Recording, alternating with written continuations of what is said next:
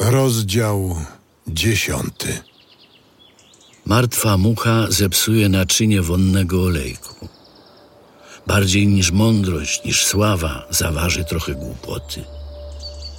Serce mędrca zwraca się ku prawej stronie, a serce głupca ku lewej.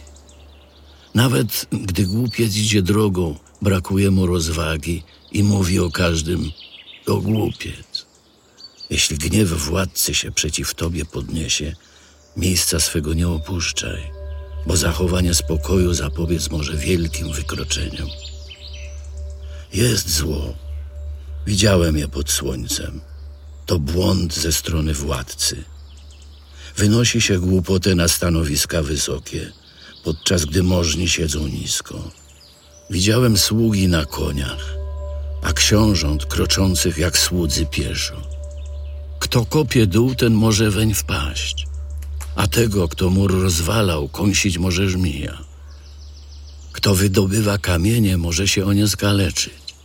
Kto rąbie drwa, naraża się na niebezpieczeństwo. Jeśli siekiera się stępi, a nie naostrzy się jej, trzeba zwiększyć wysiłek. Pożyteczna jest wtedy mądrość, by osiągnąć powodzenie. Jeżeli żmija ukąsi, a nie było zaklęcia, traci swój zysk zaklinacz. Z ust mędrca wychodzą słowa przyjemne, a wargi głupca gubią jego samego. Początek słów z jego ust to głupstwo, a koniec jego mowy to wielkie szaleństwo. A głupiec mnoży słowa. Nie wie przecież człowiek, co będzie, bo kto mu oznajmi, co będzie potem. Głupca tak zmęczy wysiłek, że nie potrafi nawet dotrzeć do miasta. Biada ci kraju, którego królem jest prostak, gdzie książęta już z rana ucztują.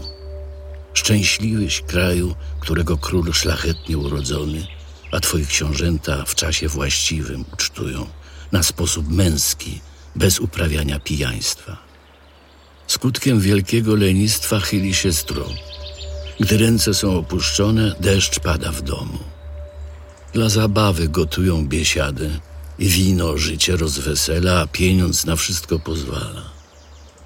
Nawet w myślach swoich nie złożecz królowi, ani w sypialni swojej nie przeklinaj możnego, bo ptactwo podniebne zaniesie głos, a to, co skrzydlate, doniesie słowa.